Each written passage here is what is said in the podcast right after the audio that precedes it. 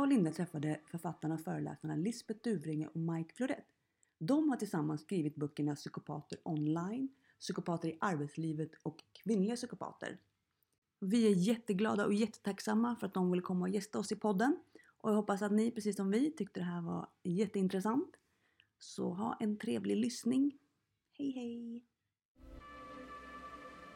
Jag tänkte så här att om ni bara liksom presenterar er lite grann och vilka ni är och, och vad ni har gjort och lite sådär, bara lite kort. Så kan Och va- vi, varför är ni... ja, och varför här? ni gör det här och varför ni har Mm. skrivit de böcker ni har skrivit och vilka det är. Mm. Eh, Vad håller vi på med Ja egentligen? men precis, Ja. vilka Ja. är ni och, Ja, och varför är ni här? Ja, Ja. men lite så. Ja. Eh, och sen ibland så gör vi det i textform och ibland så behåller vi det i podcasten. ja okej. Mm. Så att, eh, Jaha, var ska vi börja? Börjar du? Vi- Du vi- älskar att prata. Ja, nej men eh, eh, vi jobbar ju båda två med eh, ledarutveckling. Eh, och det är det vi har hållit på med väldigt mycket. Eh, sen har jag gjort massa andra saker också tidigare. eh, Men om vi ska fokusera på det som leder fram till det arbete vi gör nu med de här böckerna så är det det som har, var startskottet för det. Kan man säga. Och eh, vi har då skrivit fem böcker tillsammans. Eh, de två första böckerna handlar inte alls om psykopater. Utan de handlar, första handlar om kreativitet och den andra handlar om hjärnan. Eh, och hur man kunde använda det på, på jobbet, kunskap om hjärnan. det låter Eh, också intressant tycker jag. Ja, och jag, båda vi föreläser ju dels om psykopater och sen är jag ute själv ganska mycket och föreläser om just hjärnan. En föreläsning som heter 24 timmar med hjärnan som är, jag håller på med nu som är den nyaste och sen en som heter hjärnan och digitalisering som jag har åkt runt med två år ungefär. Eh, men vi började skriva ihop för att vi jobbar ihop helt enkelt. Ja, det gjorde vi. Det stämmer. Ja, nu får du säga något. Ska? Jag har väl tre ben kanske som jag står på, tänker jag. För att överhuvudtaget syssla med det här ämnet. Det är ju en examen i psykologi, en examen i retorik, så det är mycket med kommunikation. Eh, Och sen har jag läst arbetsmiljö och hälsa eh, på magisternivå. Och jag har jobbat väldigt, väldigt mycket med HR. Och då möter man ju allt möjligt. Men framförallt har vi jobbat mycket med ledarskap. Och där har vi också eh, stött på i ledarskapsutbildningar människor, alltså chefer och ledare, VDR, ledningsgrupper som har haft en problematik. Vi har gett dem verktyg. Verktygen, vanliga ledarskaps och chefsverktyg, har inte fungerat. Då har vi vänt oss till forskare. Och när vi inte fick hjälp av forskare i Sverige till att börja med Mm. så vände vi oss till eh, de internationella. Och då sa Mike, ja men då tar vi elefanterna på en gång. Så då gjorde vi det. De som verkligen är de absolut största inom det här området. Som James Fallon till exempel. Som jobbar med Ja, han, Alla. han jobbar med alla men han, han till och med hjälper Vatikanen Ja. med såna här Ja. grejer. Så han får ju liksom Ja. Hundratals brev varje vecka. Mm. Och han är ju eh, neuropsykiatriker Ja. bland annat och har gedigen forskning. Mm. Så han är ju våran samarbetspartner till alla våra tre böcker. Mm. Dels eh, psykopater i arbetslivet, kvinnliga psykopater och också on, online. Och det är han som också har triggat och stöttat oss att skriva fler. För det är ju helt galet att skriva en trilogi om psykopater. Det är Bra liksom. Det är crazy. fantastiskt. Det är helt galet. Ja. Det tar sjukt mycket tid. Det är forskning vi baserar på, vetenskap och forskning. Vi har gjort otroligt mycket intervjuer. Och tänkt och vridit och vänt på saker och ting. Och bara det att få tag på forskarna, de sitter ju i helt andra tidszoner än vad vi gör. Så det är liksom upp på nätter och Ja. prata mer om skypa och sådär. Kalifornien, Kanada, Storbritannien, Mm. Australien. Men till eh, kvinnliga psykopater och den här sista boken, så, eh, Psykopater online, så eh, fick vi ju hjälp av, eh, särskilt den sista då, av eh, svenska forskare också. Susanne Strand bland annat och Katarina Hovner. Ja. Mm. Eh, så att det, det har varit fantastiskt. Jag är otroligt tacksam att de har hjälpt oss. Men så det är väl lite Gud, bakgrunden. Då är det, ju verkligen, det är ju riktigt bra källor. Ja, ja, ja, ja, ja, absolut. Det är inget annat som är intressant Nej, för oss. Men vi har ju plöjt hur mycket som Ja, helst. tänkte jag säga. Vi har plöjt vetenskapliga artiklar, avhandlingar, böcker. Alltså, Mm. Vi brukar säga att vi gör det jobbet åt läsaren. Sen så, Men vi har inte tid. nej, nej, och det det skulle svårt ta för lång tid. det. Och man, Liksom. fattar, nej, och man vet inte vad man ska leta och man vet Nej. inte vad man, ska, man har ingen kunskap bakom direkt heller så man kan Nej. sålla ut och veta vad som är på riktigt och inte alla gånger. Så att det är Så vi har försökt att ta helikopterperspektivet Mm. liksom, och sen tratta ner det till individnivå. Vad Mm. är det som händer där och vad behöver man vara observant på? Kan man väl säga. Och det är därför som vi, vi när vi har jobbat med alla böckerna har pratat med så många människor som har drabbats Mm. Av de här Verkligen. beteendena ska man väl säga det som har drabbats av. Mm. Ja, för det är ju det psykopaternas beteende är ju det som drabbar människor. Ja. Men vi brukar säga att vi är språkrör för de som har blivit drabbade. Det är väl liksom ganska enkelt sagt. Men det är crazy. Alltså, ibland har vi fått, när vi har suttit och skrivit så mycket Ja. månader liksom, så får vi ibland säga till varandra, nej nu måste vi se på något kul. Ja. Typ Pang Det i bygget eller... Ja, Alltså, man värsta orkar sämsta inte. komedin. Det spelar ingen roll liksom. Bara man får rensa huvudet. För har man suttit och pratat med människor som har försökt ta liv av sig, som har varit helt isolerade, blivit misshandlade, fråntagna sina barn. Det gör ont. Ja. Så det har Det gjort ont väldigt inte- ja. mycket för oss. Ja. Mm. Men vi är så tacksamma att det finns sådana människor som gör det och som vi pratade med Nina om förut och sådana som är som, som tar de här, för att jag har ju svårt att bara läsa kommentarer online. Mm. Därför att jag blir bara rädd. Jag tänker, vad är det för människor som finns där ute? Mm. Det påverkar mig. Jag tycker jag behöver, för att driva den verksamhet som jag jobbar med, så behöver jag liksom energi och positivitet. Mm. Och att det finns då ni som verkligen djupdyker. För Ja, det här är, det är ju det- mörker. Det är ju, ja. alltså, vi har ju hållit på med podden ett tag nu och det är ju så mycket mörker runt omkring. Jag menar, vi båda har vår egen historia men liksom alla vi träffar. Det är Mm. liksom, och en, en psykopat är ju inte bara en person som blir drabbad av den. Utan det är ju- blir som dominoeffekter. Lite Ja. sådär. Det var ju som jag hittade eh, om det är förorden till psykopater i arbetslivet. Den här James Fallons jättebra citat.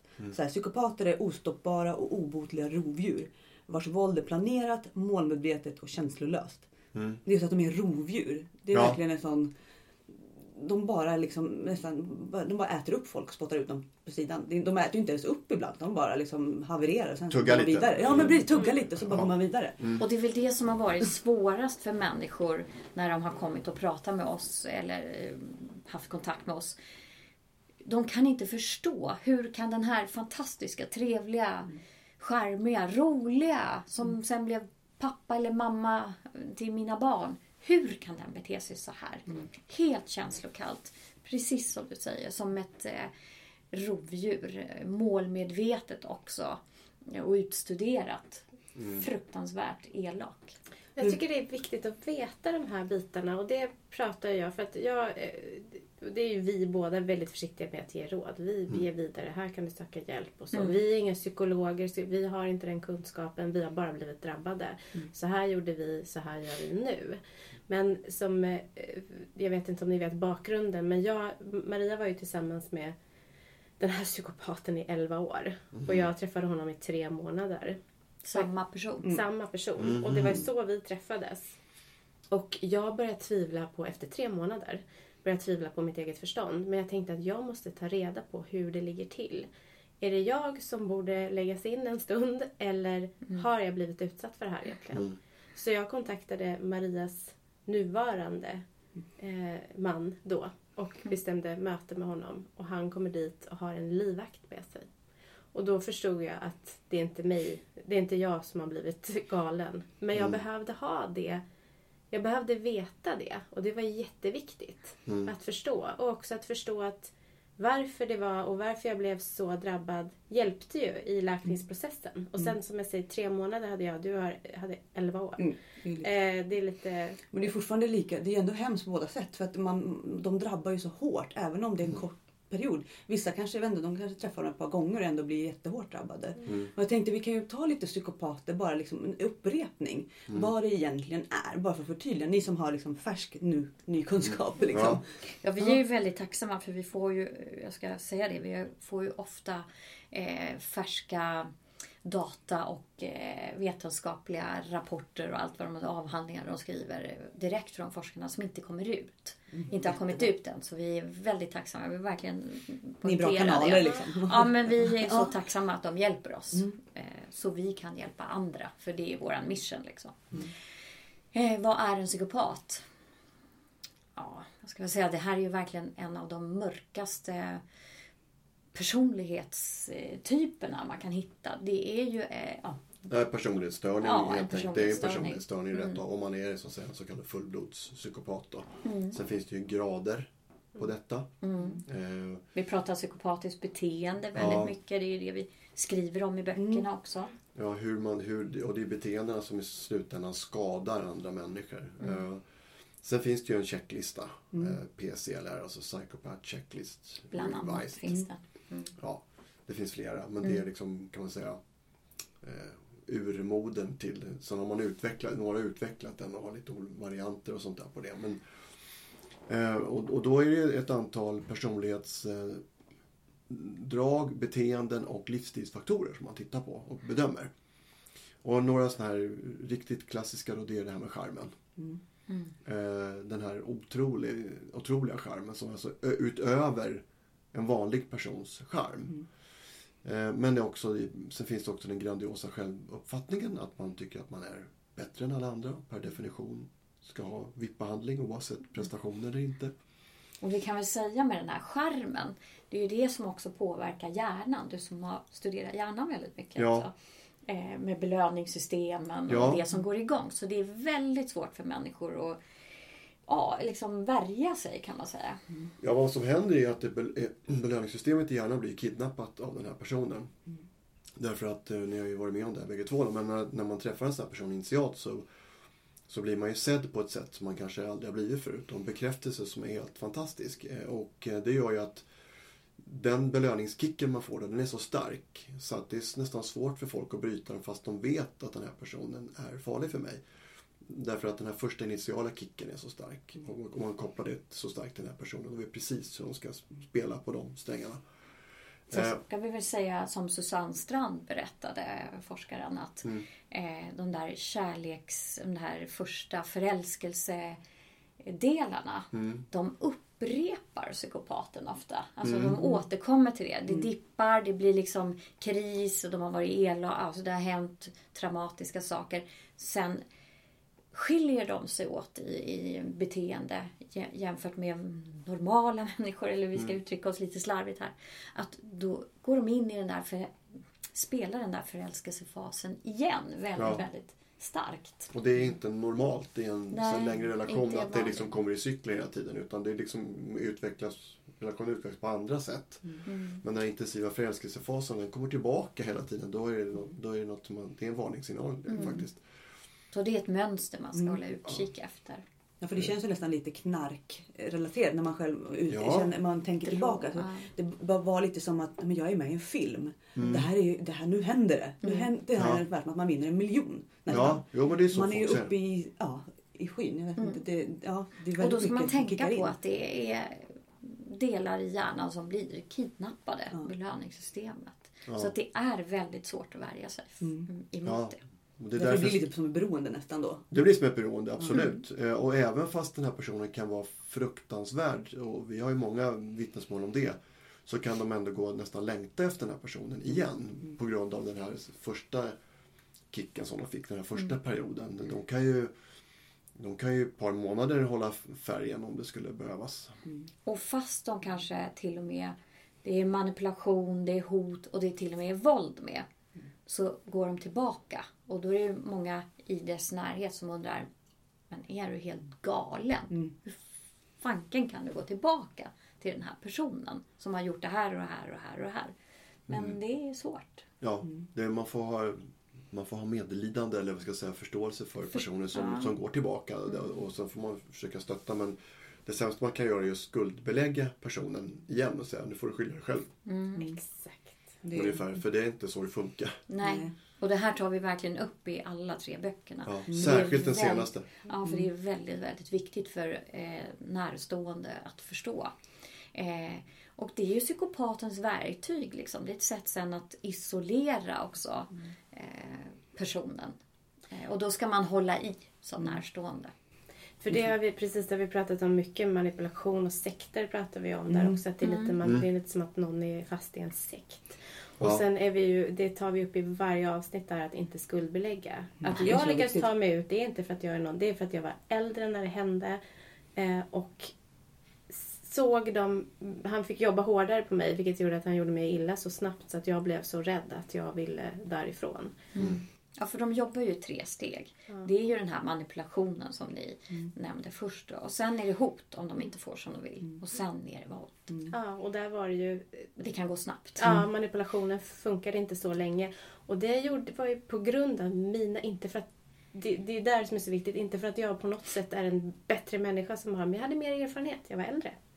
Eh, och jag hade, eller har dessutom en dotter som jag sätter liksom först. Prioritera. Ja, Mm. jag kunde ha åkt dit i alla fall. Men det var rädslan som gjorde och det, det, ja, men den tog över så att jag kände att jag måste fly nu och jag måste kolla om jag blivit galen eller inte. Men det är jättesvårt. Mm. Det är svårt för de är ju tränade i den här manipulationen. Bland annat att göra en förvirrad. Och där kommer ju den här metoden gaslighting väldigt mycket in. Eh, Den har vi ju specialstuderat tillsammans med forskarna nu och har fått hjälp. Och, ja, den tar vi upp i alla tre böckerna också. Jättebra. För det är någonting man måste hålla koll på. Det är, är det här något man inte har verkligen... någon aning om kan jag säga. För Nej, jag berätta vet. gärna mer. Ja. Det, är sånt där, eh, det har vi lärt oss Ja. efteråt. Ja. Alltså metoden går ju ut på att den här förövaren, om vi ska kalla honom för det, får dig att tro att det är du som är, som är knäpp. Att din verklighetsuppfattning är skev och att den personen har, ha koll på det. Och det är ju en del i isoleringen. Men också den här totala kontrollen därför att de vill ju att den enda du ska lita på är då den personen. Så det börjar med småsaker oftast. Eh, de kan säga så här, men eh, Skulle inte du ha köpt smör igår? Säger du. Så, Nej, det var du som skulle köpa det. Fast du vet att ni hade kommit överens om det. Och, och så, med sådana små grejer.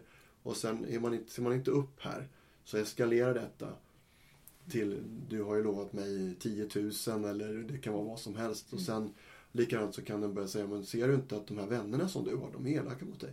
Nej, jag tycker inte de är elaka. Jo, så, och så kommer det grejer. Så börjar du tänka, men de kanske är elaka, men jag ska nog inte umgås med de där kompisarna.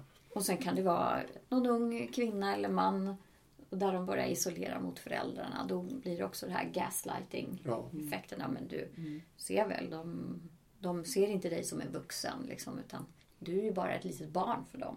Och så vidare. Och så vidare. Ja. Så det, Och det är så övertygande. ja. Och sen har, har, kopplat då till att man har den här första initiala känslan av bekräftelse så tänker man, men det- den, han har nog rätt här. Och sen till slut så börjar man tvila på sitt eget omdöme och då är man ju fast. Eh, det är väldigt, väldigt svårt när man har kommit så långt. Mm. För de är ju så väldigt övertygande. De, Ja. de, de, de, det de säger och de har ett sätt att prata och även liksom eh, utgår från min, min exman så är det det att han liksom är så, i allt de säger, de har så kroppsspråk och det är så intensitet och det är liksom allt är, är ett skådespel har man ju förstått. Men för en annan som kanske är lite lågmäld så blir man så här, oh, men gud jag kanske har missat någonting. Jag ser inte världen så här men jag, må, jag måste ha missat någonting. Ja.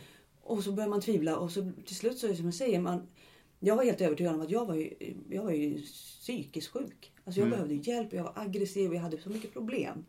Och den enda som verkligen förstod mig, det var han. Och han skulle Ja. kämpa för mig och min sak. För, och alla andra, det var ingen man kunde lita på. För det är bara minusmänniskor som vill trycka ner och utnyttja.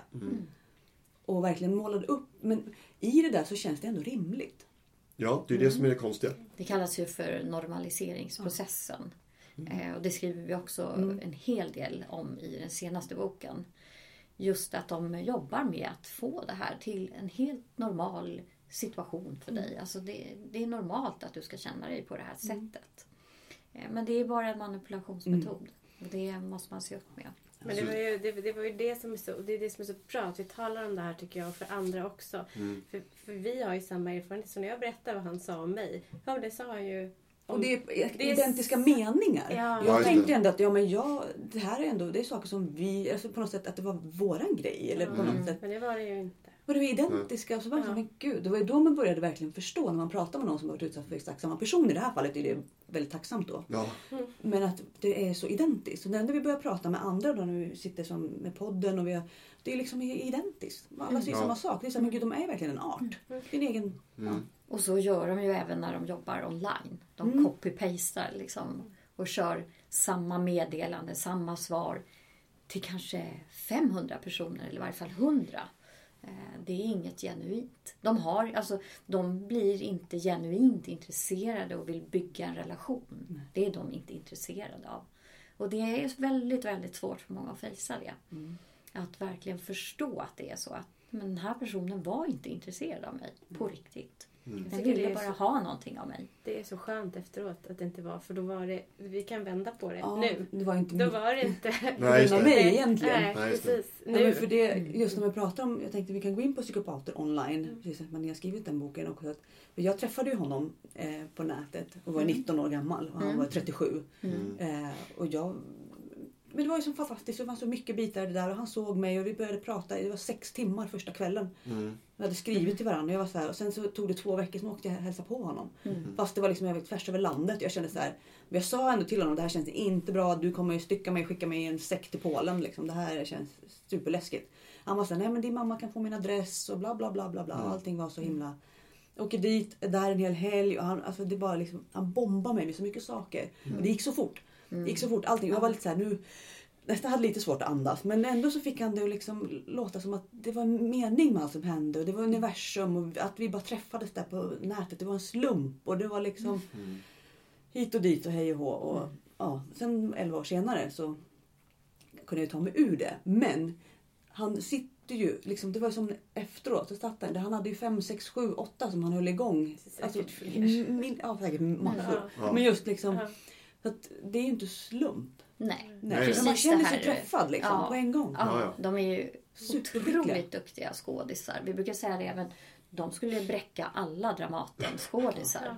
Lätt. Liksom, som att de kan fejka känslor på det sättet. Är, är anmärkningsvärt. Alltså. och det är också svårt att förstå. Och plocka också saker. För jag tänker mig att eh, den här personen till exempel kanske hade ja, minst åtta som säger på gång där samtidigt. Men, och, och skriver ungefär samma sak. Men plockar upp nyanser i det jag skriver som gör eh, att de kan ta sig in. För det är ett, eh, eh, remarkable, heter det? anmärkningsvärt att ehm, jag som inte är en person som öppnar mig så tidigt för någon gör det och säger saker som väldigt få människor vet. Det, det är skickligt. Det är Ja, kanske därför de kallas för sociala rovdjur. Ja. Skulle man kunna säga. Eh, De lär sig det sociala spelet. Alltså de, och de lär sig väldigt tidig ålder. Så att de har ju tränat på det här hela livet. Vilket Som gör Men kommer de på det när de är barn? Alltså hur funkar det rent bara liksom att backa lite när de sitter där och är barn? De bara ser andra mönster som vi inte ser och börjar liksom se hur de kan... Hur, hur ser de världen på en annan, i en annan färg? Alltså, förstår du vad jag menar? Ja, Alltså, alltså så här är det. I, I och med att de är... Man tittar på vad forskningen säger då. Så när vi har som sagt, jobbat med, med de här böckerna så har vi suttit i ganska långa samtal med, med flera av de här forskarna. De säger de här de ser världen på ett annat sätt. Därför att andra människor betyder absolut ingenting. Alltså de behöver inte andra människor för någonting annat än materiella saker. Alltså det kan vara alltså sex, eh, alltså väldigt så fysiska behov. markservice. Markservice. Någonstans att bo. Men något mat hemma. känslomässigt behov av andra personer har de inte överhuvudtaget. Så Nej. därför börjar de redan som, som väldigt unga och små att bara se, okej, hur kan jag utnyttja andra människor? För för dem är det det naturliga sättet att operera. Men vi ska väl säga att man får absolut inte diagnostisera barn. Nej, det Alltså, får man inte göra. Så, men ja, det ska man inte vi göra säger heller. vad forskarna säger. Men ändå. forskarna säger att de, alltså, de börjar träna på det här redan som små, om de har utvecklat de här dragen. Och det gör ju att de blir fenomenala på att manipulera andra människor. Alltså det blir deras naturliga sätt att vara. Om det för oss är ett naturligt sätt att ta hänsyn till andra personer så är de, har de det precis motsatta. Och de tycker inte det är konstigt. Nej. De tycker vi är konstiga. Det de tycker om de bryter mot lagar, då, tyck, då vet de att de gör det. Men de tycker bara att de bryter mot konventioner. Mm. Alltså jag är okonventionell, inte olaglig. Nej. Eh, och det där är extremt svårt eh, eh, för oss att sätta sig in i. Och Michael Woodward som vi har jobbat med med alla våra böcker, som är kanadensisk forskare och som jobbar bland annat tillsammans med Robert Hare som utvecklade den här PCLR. Han, han sa det att eh, eh, eh, de, de, är, de, är, de är så olika så att du sa en art, annan art här. Det är, han sa det är nästan som en annan art. För de är så olika oss. Eh, och de förstår inte oss och vi förstår inte dem. De tycker det är en svaghet att man bryr sig om andra personer. Vad är det för trams? Mm. De har ju inte heller, man, man skiljer ju på affektiv och kognitiv empati. Mm. Och där ser det ju annorlunda ut i, uppe i hjärnan. hjärnan hos dem också. Mhm. Så att, eh, Och vad är affektiv och kognitiv då? då är... Ja, jag tycker affektiv empati det är ju så här ehm, eh, att om någon du du kan räcka med att du ser någon på stan som ramlar och slår sig. Mm. Då känner du så här, aj det där gjorde ont. Mm. Och sen kognitiv empati det är att du förstår rent intellektuellt att den här människan har skadat sig. du ser Mm. och, Okej. och Mm. registrerar. Och det har vi, vi som är hyggligt normala, vi Mm. har båda sorterna. Ja. Eh, psykopater har då bara kognitiv eh, empati. Eh, det vill säga att de förstår väldigt väl vad andra känner men de bryr sig inte ett Nej. smack. Utan för dem är det bara, aha okej, nu har hon ramlat och slagit sig, hur kan jag utnyttja det på bästa sätt? Mm. Och då vet de för att kunna göra det så måste jag spela Mm. att jag bryr mig. Och då kan jag utnyttja den här personens svaga position. Eh, och som sagt, det här har man sett när man forskar på detta. Och det är ju som sagt väldigt, väldigt svårt att, att ta in. Mm. Och de är ju väldigt kortsiktiga egentligen. Men de kan vara långsiktiga ändå. Och hålla ut väldigt länge. Eh, Så länge som de får någon tillfredsställelse med service hemma eller pengar och så vidare. Eh, Så då kan de hålla ut Om i de har det 11 bra, år. liksom. Ja. Ja, precis. Det finns Ja, ju ett område, ett område som de är långsiktiga på. Ja, hämnd. Hämnd. Ja. Jo men det, Det- sa jag alltid. Det är liksom, det är liksom- glömmer aldrig sånt. Det Nej, är, han har det gör, bok, liksom. ja, Ja. Det, det gör de inte. Och det läskiga är att det kan ju komma liksom flera år efter att personen som den ska hämnas på har glömt bort det här Ja, det sa han alltid också. Mm. Mm, det har han sagt till oss och det har vi pratat om i podden också. Att vi hade ett val att hålla tyst om det här. Mm.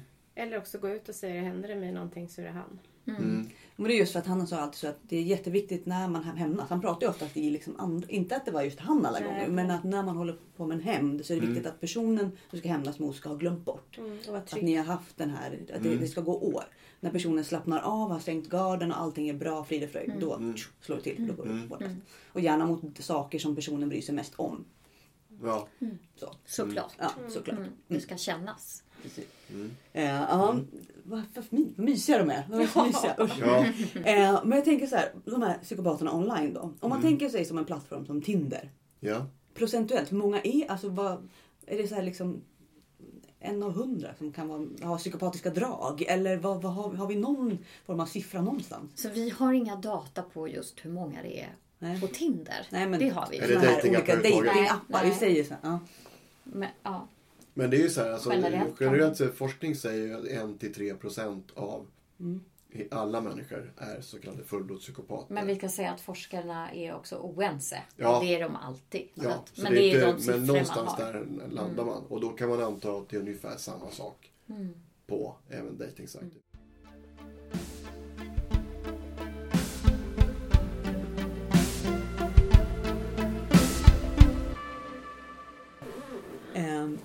Den där knarriga stolen jag vet. Vi får, bara, vi får ha lite så, vi kommer ha disclaimer så här. Lyssna Det inte på har de stolen. på BBC också. Ja, det har ju det. Ja. Ehm, nej, men jag tänker nu på de här som sitter online i olika datingappar. Eh, finns det någonting, någon form av checklista man kan liksom, de här varningsflaggorna är eh, lite sådär tänker jag. Man, det är enkelt, man snabbt kan bara checka av. Är det en dåre jag pratar med eller? Ehm, Ja, men det gäller ju att hitta mönster. Men om det går väldigt fort till att man vill ses live. Eh, det kan vara en sån här röd flagga på det. Också om man börjar prata om pengar väldigt snabbt, låna pengar. Eh, då brukar det vara att de lämnar snabbt tillbaka den här lilla summan. Och sen byggs det på. Det blir större summor. Och sen när det är riktigt stora summor, då lämnar de inte tillbaka det. Nej, men överhuvudtaget liksom att börja prata om pengar initialt Mm. när man ska lära känna någon, det är ju, det är ju inte normalt. Nej. Nej. Eh, Men sen finns det ju andra markörer som man har tittat på, som, jag ska inte röra mig på stolen här. Michael Woodworth, eh, och de som har jobbat i Kalifornien, eller i Kanada, han eh, samarbetar ju med FBI och kanadensiska polisen. Därför de har sett att det finns, just i textkommunikation, så kan, kan man avslöja psykopater på grund av att de kan ha ett väldigt dåligt språk. De kan vara, ha motsägelser i det de skriver. Det kan vara konstiga avstavningar och sånt. eh, Men då brukar vi säga att man ska ju inte... Eh, det finns ju folk som har dyslexi. Ja. Då Ja. behöver man inte tro att de är psykopater för det. Men om man har alla de här grejerna sammantaget. Det kan också vara ett ganska aggressivt eh, språk redan från början i textkommunikation. Och det är sådana grejer som man ska börja titta på. Och sen ytterligare en sak då, det är att de här personerna de kan ofta redogöra i detalj för olika händelseförlopp. Men de kan inte redogöra för känslor. Så att om, du, om de har gjort värsta utlägget om den här resan till Amazonas och så, och så frågar du så här, men hur kändes det då? Då kan de inte redogöra för det. Så det är en markör. Att, det, alltså att ställa känslomässiga frågor tillbaka kan ge en ledtråd till om jag har en person med Med känslor. ja, ja men absolut, mer känslor faktiskt. De kanske berättar att det är någon släkting som har dött eller det är något obehagligt de har varit med om. Eh, men då är det ofta redogörelser. Eh, och det visar ju sig när de har intervjuat psykopater i kriminella som kanske har begått mord. Hur de bara redogör. Det är inga känslomarkörer med. Så det är som Mark säger. Ställ sådana känslomässiga frågor tillbaka. Hur kände du då? Men då vill jag fråga om du har med att göra en riktigt slipad psykopat då som vet om att ehm, ja, det går inte att svara på allt men jag, jag blir bara så nyfiken. Någon som, Ja. som tänker just det, jag kan ju inte, när jag berättar om det här kan jag inte bara berätta vad jag åt till frukost, jag måste berätta hur det smakade. Mm. När jag gjorde, alltså, har ni märkt sådana som verkligen har, har lärt sig känslor på det? Det finns ju det med, men de, Mm. de är inte så smarta egentligen. Så det, det håller inte över tid. Och det är det vi brukar säga. Men leta efter mönster, men du måste göra det över tid. Mm. Så över tid kommer de att göra bort sig. Robert brukar säga att de kan orden men inte musiken. Ja. Så de kan alltså lära sig vissa fraser som de vet funkar. Om du uttrycker en, någon typ av sorg eller så, så vet de, då kan de säga vissa grejer tillbaka. Men om, om det pratas om något som de inte är förberedda på, då finns det liksom ingenting för dem att hämta. För de har inga känslor att hämta ur. Just det. Nej. Det är, ligger väldigt... De har väldigt ytligt känsloregister kan man säga. Men man känner att det här är någonting man skulle vilja lära ut till folk som alltså, unga år. Ja. Som nu bara sitter och pratar online. Alltså, de borde ju ha det här i skolan kan jag tycka. Att man, just de här, Absolut. lilla, de här små checkgrejerna. Liksom. Vem är det du pratar med? Ja. Verkligen. Och Ja. också att föräldrar kan lära sig att läsa ja, men typ våra böcker eller liknande böcker. Men just den här boken om online, psykopater online som vi har skrivit. Eh, för målgruppen var faktiskt ungdomar men också föräldrar. Eh, men också de som är i datingålder. Det kan ju vara vilken ålder som helst. Men jag vill också slå ett slag för de som har drabbats för romansbedrägeri. Som också är äldre. Man kan ha, vi har ju stött på många som har föräldrar som har blivit helt plundrade på alla sparade slantar. Och fast poliserna har kommit till Arlanda där det har stått, för vi har ju varit i kontakt med advokater och poliser och samarbetat med dem med. Så har det stått liksom fem stycken med en ros och väntat på samma person. Och fast Ja. poliserna har kommit dit och sagt tyvärr liksom, det här är bedrägeri. Så har de inte trott på polisen ens. Nej. Hem. Därför att de är kära, de Ja. tror på det här. Belöningssystemet är så Det är starkt. Man är ja. kidnappad liksom, i hjärnan. Vi hade faktiskt eh, en lyssnare som skickade ett mejl. En kvinna som hon och hennes syster hade eh, hjälpt deras mamma med datorn. Mm. Och då hade de ju hittat att mamman hade jättemånga olika personligheter. Och hon då satt och lurade män på pengar. Men det låter som taget ur våran bok. Det Faktiskt. kanske- ett det eh, var- avsnitt där. Det är Vi har en sån. Spännande! är exakt det Och de där. skrev till oss i podden. Jag var såhär, men gud vad hemskt. Och det kanske är samma person. Vi har, vi har precis en sån eh, Ja. historia faktiskt. Vad intressant. Mm. För det är ju helt galet. Men Ja. det är väl... Ja. Ja. Det var galet. Och det är väl mycket pengar det handlar om också. Som sagt, människors besparingar och, och det kan man väl aldrig få Absolut. tillbaka va? Det, det, är väl- Nej, det kan du inte få tillbaka. det är inte som med banken när någon skimmar ditt kort utan det här blir ju Nej, det är ju kört. Mm. det är kört. Du har ju skickat iväg det frivilligt. Ja, skylla dig själv. Så det kan man inte... Nej. Men jag tänkte på det här med, med stalkers eh, och nättroll och sånt. Den typen av personer. Är det en annan personlighetstyp? För det känns som att de är också väldigt gränslösa. Om man tänker man tar separerar, man tar stalkers bara då. De är ju oftast, de är både online men de är också de är ute och går i världen. om Man säger, eller på din bakgård. Eh, men är det också en typ av psykopater då också? Eller nej, det är en annan sak. Vi, prat, vi, vi har ju som ni vet samarbetat med Susanne Strand. Mm. Och hon har ju gjort forskning på det här. Ja, Eh, och hon säger att psykopaterna, nej. nej. Nej. De har inte tålamod till Nej. det. Ja.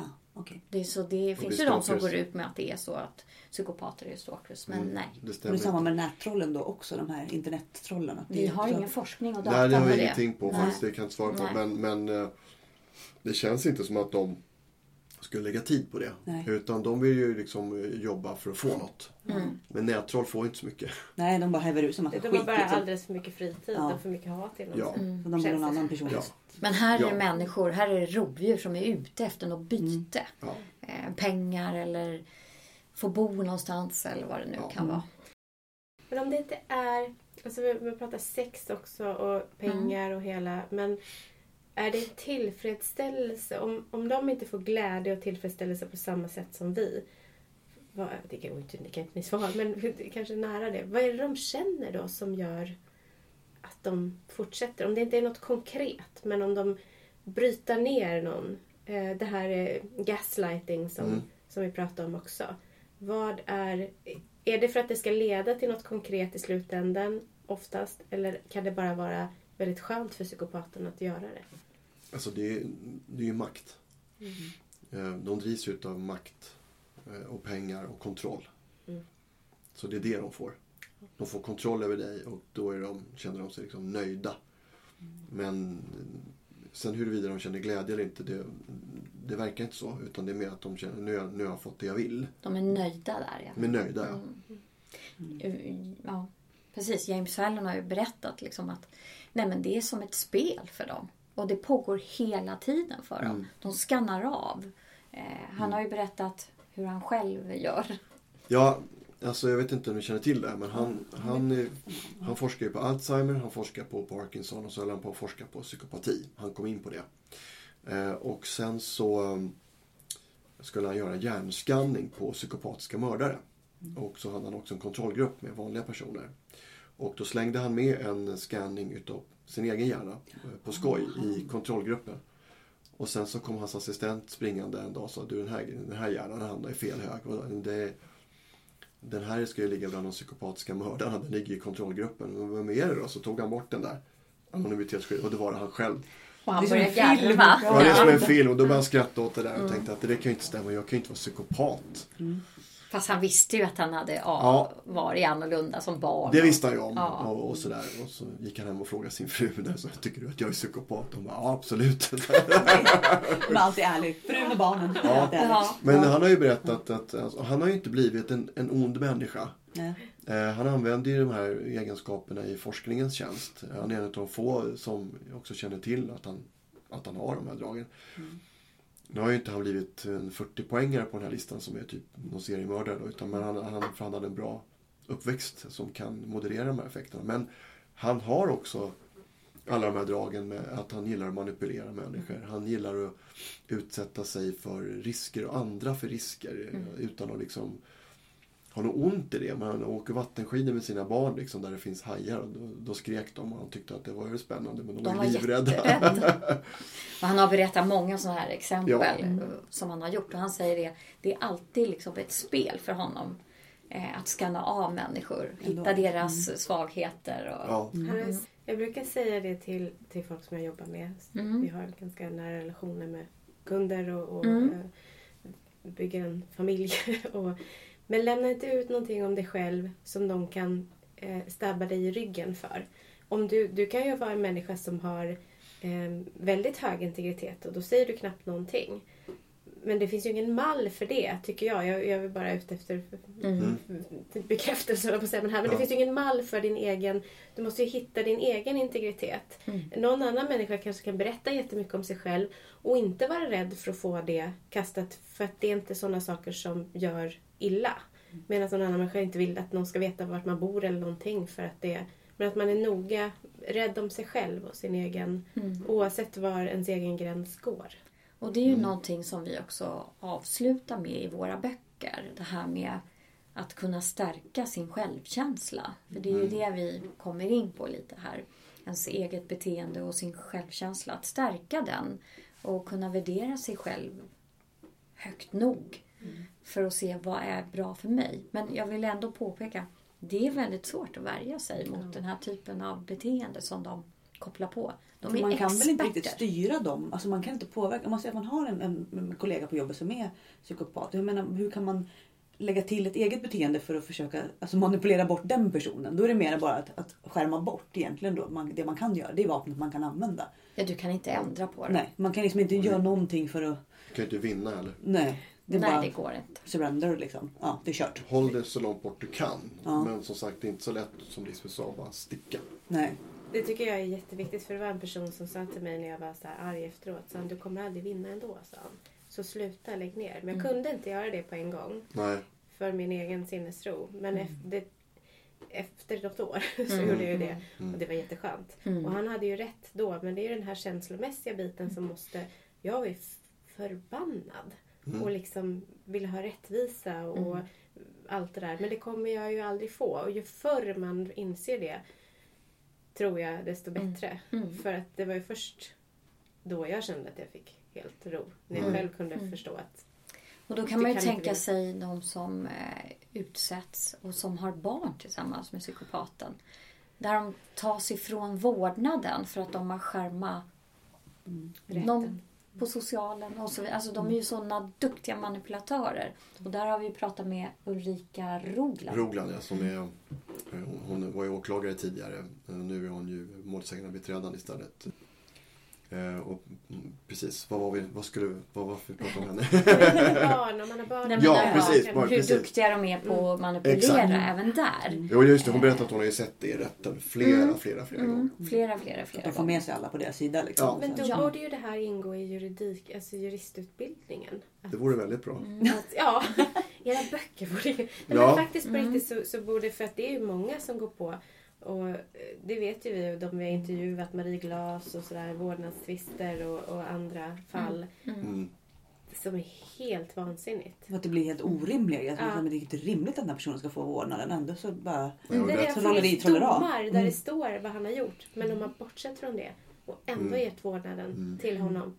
Nej men det, det måste vi säga. Vi, vi önskar också att många fler tar del av eh, fakta och data och just Ja, de- men från de här och böckerna vi jurister måste ju skriver. vara otroligt viktigt att de... Ja, och domare. Men du har ju varit och utbildat. Ja, föreläst för tingsrätter och sånt där. Mm. Och pratat om det här. Så det Och kanske kommer, Ja, men kanske kommer ett det. intresse. Eh, för det handlar ju om beteende. Eh, och det är ju beteenden vi är intresserade av. Mm.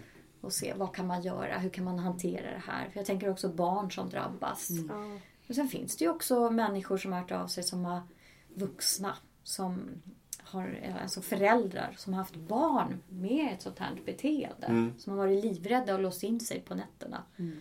För de kanske har klippt av dem hår eller du vet tutta eld på täcket. Och, mm. Mm. Det finns mycket.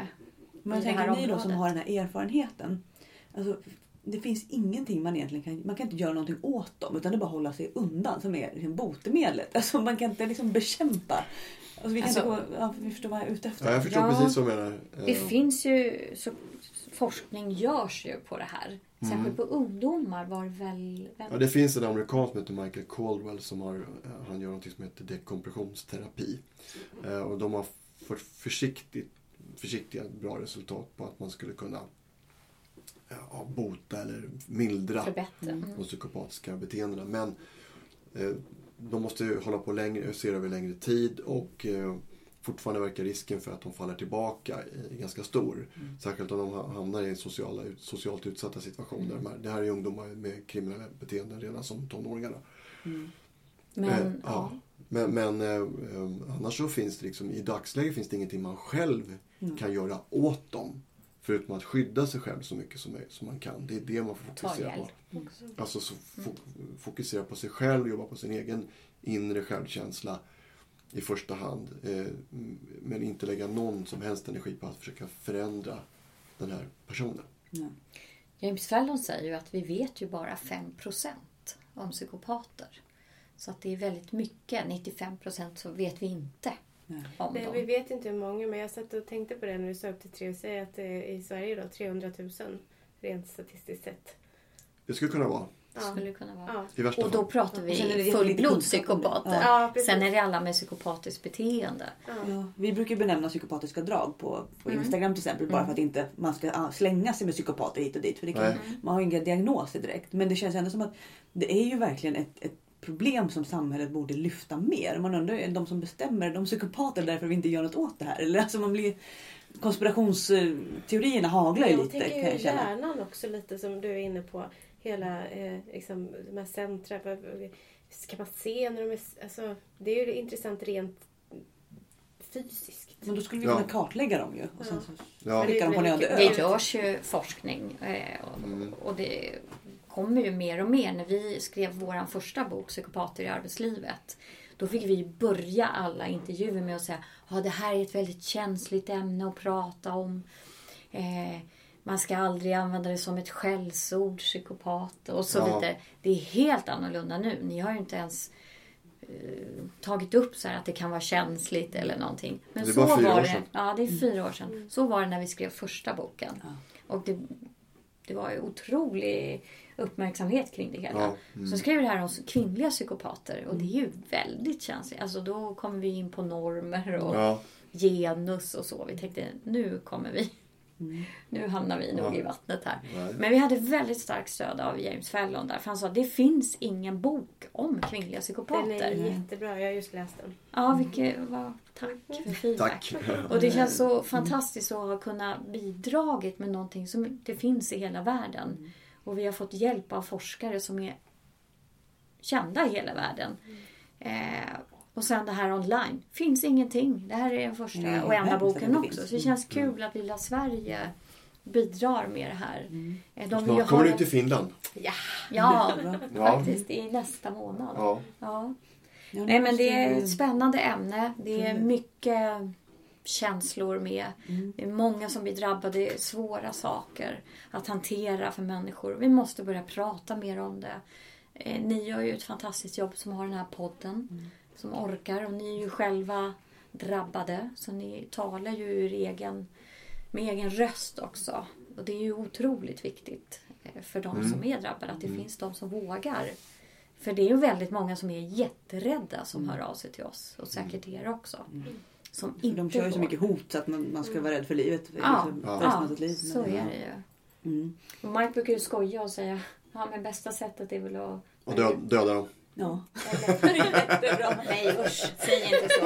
Och det vill ni jag säga- avsluta podden med? Eller har Ja. Nej, Nej, jag brukar, jag brukar säga så här att om man, om man är psykopat på jobbet Ja. så är det, det optimala egentligen att ha, ha den personen i, i en bur på jobbet. Och så man släpper ut den vid valda tillfällen och behöver ha lite mer energi Okej. på kontoret. Men sen problemet är att du får inte in dem i buren igen. Nej. Nej. Men de är ju roliga och charmiga, hittar på Det jättemycket grejer. trevligt. Ja. Det händer grejer. De har ju större behov av att det ska hända grejer. Mm. Men om man tänker, bara tänker avslutningsvis. Mm. Har ni någonting så här som ni bara... Någon rekommendation eller någonting som ni skulle vilja... Förutom era fantastiska böcker. De ska vi ju lägga upp i våra, på, på våra Instagram och allt det. Men är det något annat det känns så här, men det här, ni som vill veta mer eller, eller bara generellt om psykopater. Någonting sådär som ni bara vill avsluta med. Har ni något sånt som ni känner? Alltså jag säger alltid att det är otroligt viktigt att gå på magkänslan. Jag har ju tidigare jobbat mycket med rekrytering och sånt inom HR. Eh, och där är man ju väldigt såhär, nej man får inte gå på magkänslan. Men här tycker jag att det är otroligt viktigt att använda magkänslan. Känns det på något sätt att, nej det här är, stämmer inte riktigt. Det var någon av er som sa, jag tror det var du, eh, ja men när jag träffade den här mannen eller skulle träffa den här mannen första gången så tänkte jag åh det här är otäckt och jag kommer bli styckad och lägga och- i Polen. Ja, men jag tror man ska ta de signalerna på allvar. Eh, magkänslan är till för att upptäcka problem. Och sen flyttar man upp den hit upp eh, till tankarna. Det är fakta, eh, försök få tag på fakta och, och data. Man kanske behöver göra lite, vad ska vi kalla det för, bakgrundskontroll på människor. Det är ju hyggligt lätt nu jämfört med för 15-20 år sedan i alla fall. Så var lite mer eh, observatörer och ge er inte bara in i relationer. Även om det känns fantastiskt härligt och gärna blir kidnappad. Mm. Gå på magkänslan. Mm. Ja, jag håller med. Mm. Ja. Och talas det om pengar för snabbt. Mm. Är det för bra för att vara sant, ja då är det det. Ja. Ja. Jättebra klyscha. Men den, den är så bra. Är det för bra Ja. för sant så är det det. Tyvärr alltså. Mm. Ja, det låter ju lite tråkigt liksom. Men, men det, det Nej, men var fan- lite mer rädda om er där ute, tänker jag. Eh, och tänk på att online, ni vet inte vem det är. Det är så många gånger personer har berättat, ja men den här mannen eller kvinnan, den sa att den var 30, men när vi träffades var, var den 45. Och så vidare och så vidare. Det är så mycket som inte stämmer. Men ändå fortsätter de relationen sen. Och det finns ju en liten fälla i det här också. Där man sitter hemma i soffan och i någon mysdress och chattar med den här personen. Pyjamas. Då har ju den här personen nästan varit hemma hos en. Mm. Och det blir, skapar en falsk trygghet och sen tänker man men det, jag kan ta hem den här människan. Det, det, det är ingen fara. Ja, Så det ska man vara medveten om också. Att det, ja men jättebra. Ja, men tack så jättemycket för att ni Tusen kom. Var hittar man er om man vill få tag på er och kanske vill ha föreläsning eller vad, hemsidor? Var, var hittar man er? Ehm, Instagram är bra. Instagram bra? Det är Mike Florett på Instagram. Eller så har vi ju också en, en psykopater online har vi en Facebook-sida. Eller vi har faktiskt en Facebook-sida för alla våra böcker. Det är jättebra. Vi Ja. kommer göra en större offentlig tillsammans med ett företag som heter Attico. Attico som gör många stora föreläsningar och turnéer. De kommer vi jobba med i höst. Ja. Så då finns det stora offentliga föreläsningar om psykopater med oss två att komma på om man vill. För vi har fått så otroligt mycket frågor. Vi får det varenda dag nästan. Mail, handskrivna brev, telefonsamtal och de gråter. Det är män, det är kvinnor, det är, från, det är politiker, det är advokater, det är piloter, det är you name it. Barnskötare. Eh, så vi eh, har blivit tillfrågade om vi vill Ja. sätta upp en turné med det här. Mm. Ja, men tack så jättemycket. Vi skulle kunna prata en hel vecka. Ja, verkligen. Ja, då måste du ha mer batterier. Ja, Här. Ja. Ja, men det kanske blir en del två lite längre fram. Ja, och vi Ja. kanske kan återkomma med lite grejer och kanske ni kan ha något inhopp och sådär. För just kvinnliga psykopater ska vi också beröra. behöver Det har vi vi lovat våra... Ja, det Vi behöver har vi ta ett Ja, helt vi- avsnitt om. Ja. Och Kanske de vi skiljer sig Kanske verkligen kan ta en liten Skype eller något sen vid tillfälle. Ja. Ja. Eh, Så vi kommer lägga upp på våra sociala medier var man hittar er. Ja. Tack snälla för att ni kom. Ja, vi heter tack Psykopatpodden online. Mm. Ja. Ja. Tack Ja. Linda. Tack Mike. Tack Lisbeth. Tack ha. Snälla ni. Tack, tack. Och var rädda om er.